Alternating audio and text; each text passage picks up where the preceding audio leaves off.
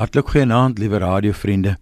Ek seker die afgelope aande agtergekom dat ons skriflesings en ons verhale daaroor gaan dat God op die onwaarskynlikste maniere in die aand aan ons verskyn wanneer dit sleg gaan met ons.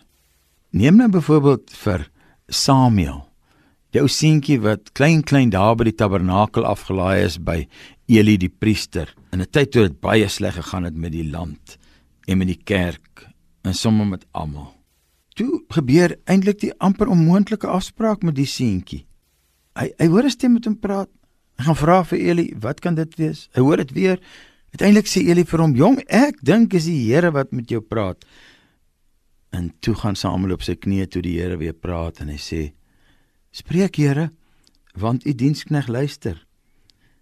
En dan maak die Here vir hom 'n belofte van 'n hele nuwe begin vir hierdie land waar alles op hulle knieë staan, waarin hy Samuel instrumenteel sal wees.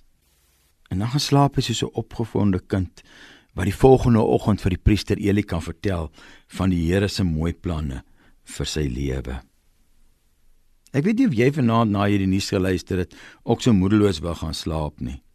Maar ek is seker dat die Here vannag op een of ander wonderbaarlike manier ook vir jou gaan opgewonde maak oor wat môre op 'n nuwe manier jou toekoms kan verander.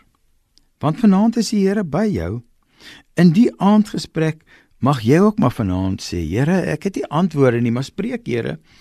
Ek luister graag na die goeie voornemens wat U met my en met myne en met ons land het. Here, maak my deel van U mooier môre wat altyd weer volg op 'n skynbare vasgeloopte situasie waarin ons is.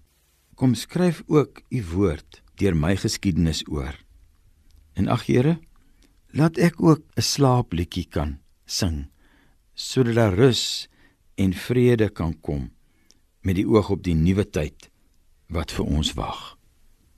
Ag Here, ons is so Samuel vanaand stil voor U. As ons mooi luister, dan kom ons agter U praat met ons.